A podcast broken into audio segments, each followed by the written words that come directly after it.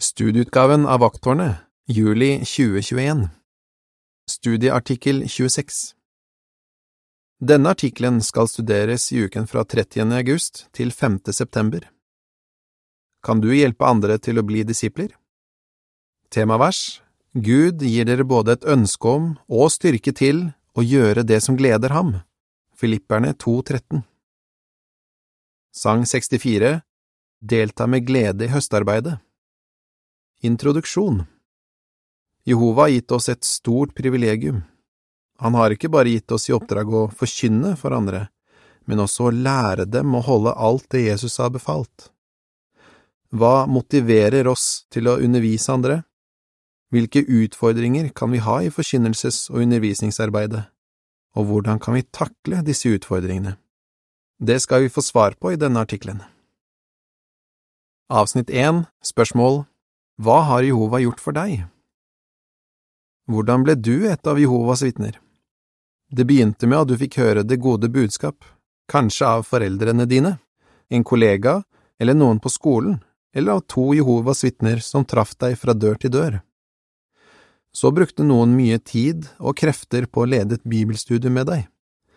I løpet av studiet begynte du å elske Jehova, og du lærte at han elsker deg. Jehova dro deg til sannheten, og nå, som en disippel av Jesus Kristus, har du håp om å få leve evig. Så takknemlig du er mot Jehova for at han fikk noen til å lære deg sannheten, og for at du får lov til å være en av hans tjenere. Avsnitt to Spørsmål Hva skal vi se på i denne artikkelen? Nå som vi kjenner sannheten, har vi det privilegiet å hjelpe andre til å begynne å gå på veien til livet. Vi synes kanskje det går greit å forkynne fra dør til dør, men at det er vanskeligere å tilby å lede bibelstudier. Føler du det slik? I så fall vil du kanskje ha nytte av noen av forslagene i denne artikkelen. Vi skal drøfte hva som motiverer oss til å være med på å gjøre disipler. Vi skal også se på noen av de utfordringene som kan gjøre oss usikre på om vi klarer å lede et bibelstudium. Først skal vi se på hvorfor vi ikke bare skal forkynne det gode budskap, men også undervise andre. Jesus ga oss i oppdrag å forkynne og undervise. Avsnitt tre Spørsmål Hvorfor forkynner vi? Det oppdraget Jesus ga disiplene sine, har to sider. Han sa at de skulle forkynne det gode budskapet om riket, og han viste dem hvordan de skulle gjøre det. Han lærte dem blant annet hva de kunne gjøre når folk reagerte positivt på budskapet, og hva de kunne gjøre når folk ikke ville lytte.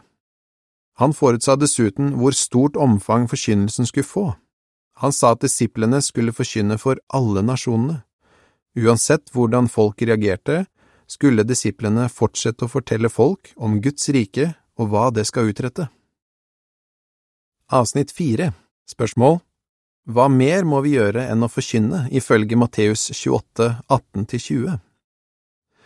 Hva er den andre siden av det oppdraget Jesus ga disiplene? Han sa at vi skulle lære folk å holde alt det han hadde befalt. Men skulle dette forkynnelses- og undervisningsarbeidet bare foregå i det første århundret, slik noen påstår? Nei, det Jesus sa, viser at dette viktige arbeidet skulle fortsette frem til vår tid, helt til avslutningen på verdensordningen. I Matteus 28, 18–20 står det, Jesus gikk fram og sa til dem, Jeg har fått all myndighet i himmelen og på jorden. Gå derfor og gjør mennesker fra alle nasjoner til disipler. Dere skal døpe dem i Farens og Sønnens og Den hellige ånds navn, og lære dem å holde alt det jeg har befalt dere. Og husk, jeg er med dere alle dager, helt til avslutningen på verdensordningen. Sannsynligvis ga Jesus dette oppdraget den gangen han viste seg for mer enn 500 disipler. Og i den åpenbaringen Johannes fikk, viste Jesus tydelig at han vil at alle disiplene hans skal hjelpe andre til å lære om Jehova. Avsnitt 5 Spørsmål hvordan illustrerte Paulus sammenhengen mellom forkynnelse og undervisning i første Korinter 3, 6–9? Apostelen Paulus sammenlignet arbeidet med å gjøre disipler med det arbeidet en bonde gjør. Han viste at vi må gjøre mer enn å så. Han skrev til korinterne, Jeg plantet, Apollos vannet, dere er Guds åker som blir dyrket. I første Korinter 3, 6–9 sies det, Jeg plantet, Apollos vannet, men det var Gud som hele tiden fikk det til å vokse. Derfor er det slik at verken den som planter eller den som vanner er noe, bare Gud er noe, Han som får det til å vokse. Den som planter og den som vanner samarbeider i enhet, men hver enkelt skal få lønn etter sitt eget arbeid, for vi er Guds medarbeidere, og dere er Guds åker som blir dyrket, Guds bygning. Som arbeidere i Guds åker planter vi når vi forkynner, og vi vanner når vi underviser. Vi er interessert i hvordan det går med det vi har plantet, men vi er klar over at det er Gud som får det til å vokse. Avsnitt 6 Spørsmål Hva må vi gjøre for å hjelpe nye til å bli disipler? Vi leter etter dem som har den rette innstillingen, slik at de kan få evig liv. Apostlenes gjerninger 1348 For at disse skal kunne bli disipler, må vi hjelpe dem til å 1. Forstå 2. Tro på og 3. Leve etter det de lærer ut fra Bibelen. Alle i menigheten kan hjelpe de nye ved å vise dem kjærlighet og ved å få dem til å føle seg velkommen når de er på møtene. Og den som leder et studium, må kanskje bruke mye tid og krefter på å hjelpe den nye til å kvitte seg med sterkt befestede trosoppfatninger og vaner. Andre Korinter 10, 4 og 5 Det kan ta mange måneder å hjelpe en person til å gjøre disse forandringene, slik at han til slutt kan bli døpt, men det er verdt alle anstrengelser. Kjærlighet motiverer oss til å gjøre disipler. Avsnitt 7, spørsmål hva motiverer oss til å delta i arbeidet med å forkynne og gjøre disipler? Hvorfor deltar vi i arbeidet med å forkynne og gjøre disipler? For det første, fordi vi elsker Jehova. Når du gjør ditt beste for å følge befalingen om å forkynne og gjøre disipler, viser du at du elsker Gud. Tenk på dette, kjærligheten til Jehova fikk deg til å begynne å forkynne fra hus til hus. Var det lett? Sannsynligvis ikke.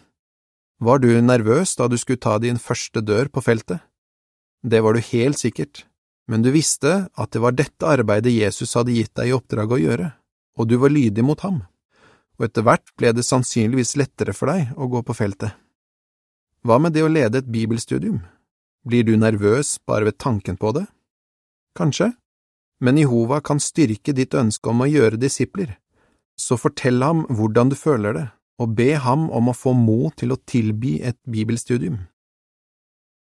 Avsnitt åtte Spørsmål Hva mer kan motivere oss til å undervise andre, ifølge Markus 6,34? For det andre, fordi vi elsker våre medmennesker, ønsker vi å lære dem sannheten. En gang var Jesus og disiplene hans slitne fordi de hadde hatt det så travelt i forkynnelsen. De trengte å dra til et sted der de kunne hvile, men en stor folkemengde fant dem. Jesus syntes inderlig synd på dem og begynte å lære dem mange ting. Markus 6,34 sier, Da han kom fram, så han en stor folkemengde, og han syntes inderlig synd på dem, for de var som sauer uten en gjeter, og han begynte å lære dem mange ting. Han sto på, selv om han var sliten. Hvorfor? Han forsto hvilken situasjon de var i. Han ønsket å hjelpe dem fordi han så hvor vanskelig de hadde det, og at de trengte håp. Folk i dag er i samme situasjon. Ikke la deg lure av at de virker glade og fornøyde. De er som hjelpeløse sauer som har gått seg bort og ikke har noen gjeter som kan vise dem veien. Paulus sa om slike mennesker at de er uten Gud og ikke har noe håp. De går på den veien som fører til tilintetgjørelsen. Matteus 7,13 når vi tenker på den åndelige tilstanden folk i distriktet vårt er i, får vi lyst til å hjelpe dem fordi vi synes synd på dem og elsker dem. Og det beste vi kan gjøre for å hjelpe dem, er å tilby oss å studere Bibelen med dem. Avsnitt 9 Spørsmål Hvordan kan Jehova hjelpe deg ifølge Filipperne 2.13? Kanskje du nøler med å tilby et bibelstudium fordi du vet at det å lede et studium tar mye tid. Fortell i så fall Jehova hvordan du føler det. Be ham om hjelp til å få lyst til å finne noen å studere Bibelen med. I Filipperne 2,13 står det, For det er Gud som fyller dere med kraft og som gir dere både et ønske om og styrke til å gjøre det som gleder ham. Apostelen Johannes forsikret oss om at Gud vil besvare bønner som er i samsvar med hans vilje. Du kan derfor være sikker på at Jehova vil hjelpe deg til å få et ønske om å være med på å gjøre disipler. Andre utfordringer Avsnittene 10 og 11 Spørsmål Hvorfor tenker vi kanskje at vi ikke kan lede et bibelstudium? Vi vet at arbeidet med å undervise er veldig viktig, men vi får kanskje ikke gjort så mye som vi skulle ønske i dette arbeidet. La oss se på noen av de utfordringene vi kan ha, og hva vi kan gjøre for å takle dem. Omstendighetene våre begrenser hvor mye vi kan gjøre. Noen forkynnere er for eksempel oppe i årene eller har dårlig helse. Gjelder det deg? Tenk i så fall på en ting vi har lært under covid-19-pandemien. Vi har oppdaget at det går fint å lede studier på telefon eller digitalt, så du kan kanskje starte og lede et studium hjemmefra. Dessuten har du kanskje en fordel. Noen vil gjerne studere Bibelen, men det passer ikke for dem på de tidspunktene andre forkynnere vanligvis går på feltet. Kanskje slike personer har tid til å studere tidlig om morgenen eller sent om kvelden. Kan du studere med noen på de tidspunktene? Jesus underviste Nikodemus om natten, for det var det tidspunktet Nikodemus foretrakk. Avsnitt 12 Spørsmål Hvilke ting kan styrke selvtilliten vår? Vi synes ikke vi er flinke nok til å lede et bibelstudium. Kanskje vi føler at vi burde ha større kunnskap eller være dyktigere til å undervise før vi kan studere med noen. Hvis du føler det slik, kan du tenke over tre ting som kan gi deg større selvtillit. For det første, Jehova mener at du er kvalifisert til å undervise. For det andre, det er Jesus som har gitt deg lov til å undervise, og han har all myndighet i himmelen og på jorden. Matteus 28, 18. Og for det tredje, du kan få hjelp av Jehova og dine brødre og søstre. Jesus fikk hjelp av sin far til å vite hva han skulle si, og det kan du også få. I tillegg kan du spørre gruppetilsynsmannen din eller en dyktig pioner eller menighetsforsyner om hjelp til å starte og lede et bibelstudium. Noe du kan lære mye av, er å være med slike forkynnere på bibelstudiene deres.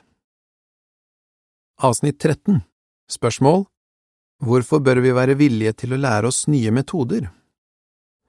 Vi synes det er vanskelig å bruke nye metoder og nye hjelpemidler. Måten vi leder bibelstudier på, har forandret seg.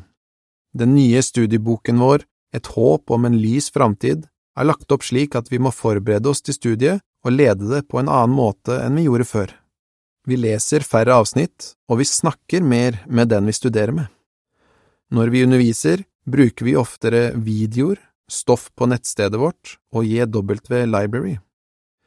Hvis du ikke vet hvordan du skal bruke disse hjelpemidlene, kan du snakke med noen som kan lære deg det. Vi mennesker er vanedyr. Det er ikke lett for oss å venne oss til å gjøre ting på nye måter, men med hjelp fra Jehova og fra andre vil du klare det, og det blir enda mer gøy å studere med folk. Som en pioner sa, er denne studiemetoden spennende både for den interesserte og for den som leder studiet. Avsnitt 14 Spørsmål Hva bør vi huske hvis det er lite interesse i distriktet vårt, og hvordan kan første Korinter 3, 6 og 7 oppmuntre oss? Vi bor i et område der det er vanskelig å starte bibelstudier. De fleste er kanskje likegyldige til budskapet vårt, eller til og med imot det. Hva kan hjelpe oss til å være positive hvis det er slik i distriktet vårt? Husk at livet til folk kan forandre seg plutselig i denne urolige verden, og de som ikke har vært interessert tidligere, kan bli klar over sitt åndelige behov. Noen som aldri har villet ta imot litteraturen vår før, har senere sagt ja takk til et bibelstudium. Dessuten vet vi at Jehova er høstens herre. Han vil at vi skal fortsette å plante og vanne, men det er han som er ansvarlig for veksten og selv om vi ikke leder et bibelstudium nå, er det oppmuntrende å tenke på at Jehova belønner oss for den innsatsen vi gjør, ikke for de resultatene vi oppnår. Opplev gleden ved å gjøre disipler. Avsnitt 15 Spørsmål Hva føler Jehova når noen begynner å studere Bibelen og leve etter det han lærer? Jehova gleder seg når en person kommer i sannheten og forteller andre om det han har lært. Tenk deg da hvor glad Jehova må være når han ser det som skjer i dag. Til tross for den globale pandemien i tjenesteåret 2020 ble det ledet 7 705 765 bibelstudier, og det var 241 994 som innviet seg til Jehova og ble døpt. Disse nye disiplene vil i sin tur lede bibelstudier og gjøre enda flere til disipler. Vi kan være helt sikre på at Jehova gleder seg over å se at vi engasjerer oss i arbeidet med å gjøre disipler. Avsnitt 16 Spørsmål Hva er et fint mål å ha? Det krever en stor innsats å studere med folk, men med Jehovas hjelp kan vi lære nye og bli glad i ham kan vi sette oss som mål å starte og lede minst ett studium. Vi blir kanskje overrasket over resultatene hvis vi utnytter alle muligheter til å tilby et bibelstudium til dem vi treffer. Vi kan være sikre på at Jehova vil velsigne det vi gjør. Avsnitt 17 Spørsmål Hva kan vi få oppleve hvis vi leder et bibelstudium? For et privilegium vi har som får lov til å forkynne og å lære andre sannheten. Dette arbeidet gir oss ekte glede. Paulus, som hjalp mange i Tessalonika til å bli disipler, sa det slik, Hvem er vårt håp, eller vår glede, eller vår jubels krone framfor vår Herre Jesus under Hans nærvær? Er det ikke dere? Dere er virkelig vår ære og vår glede. Første Tessaloniker 2, 19 og 20 Mange i dag har opplevd den samme gleden. En søster som heter Stephanie, har sammen med mannen sin hjulpet mange fram til dåpen. Hun sier, det finnes ingen større glede enn å hjelpe noen til å innvie seg til Jehova. Til avsnittene 15 til 17 er det en bildeserie der vi ser hvilke forandringer i livet et bibelstudium kan føre til for en person. På det første bildet ser vi at en mann som føler at livet er uten mening, og som ikke kjenner Jehova, sitter hjemme etter en slitsom dag på jobb. På det andre bildet treffer et ektepar mannen mens de er på feltet om kvelden. På det tredje bildet studerer mannen Bibelen sammen med den broren som traff ham fra hus til hus. På det fjerde bildet blir mannen døpt. På det femte bildet forkynner den nye broren for en annen mann.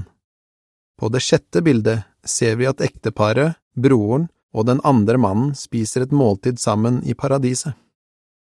Bildetekst Se hva vårt forkynnelses- og undervisningsarbeid kan gjøre for en person. Hva svarer du? Hvorfor må vi både forkynne og undervise? Hva motiverer oss til å gjøre disipler? Hva kan vi gjøre for å takle forskjellige utfordringer? Sang 57 Vi forkynner for alle slags mennesker. Artikkelen slutter her.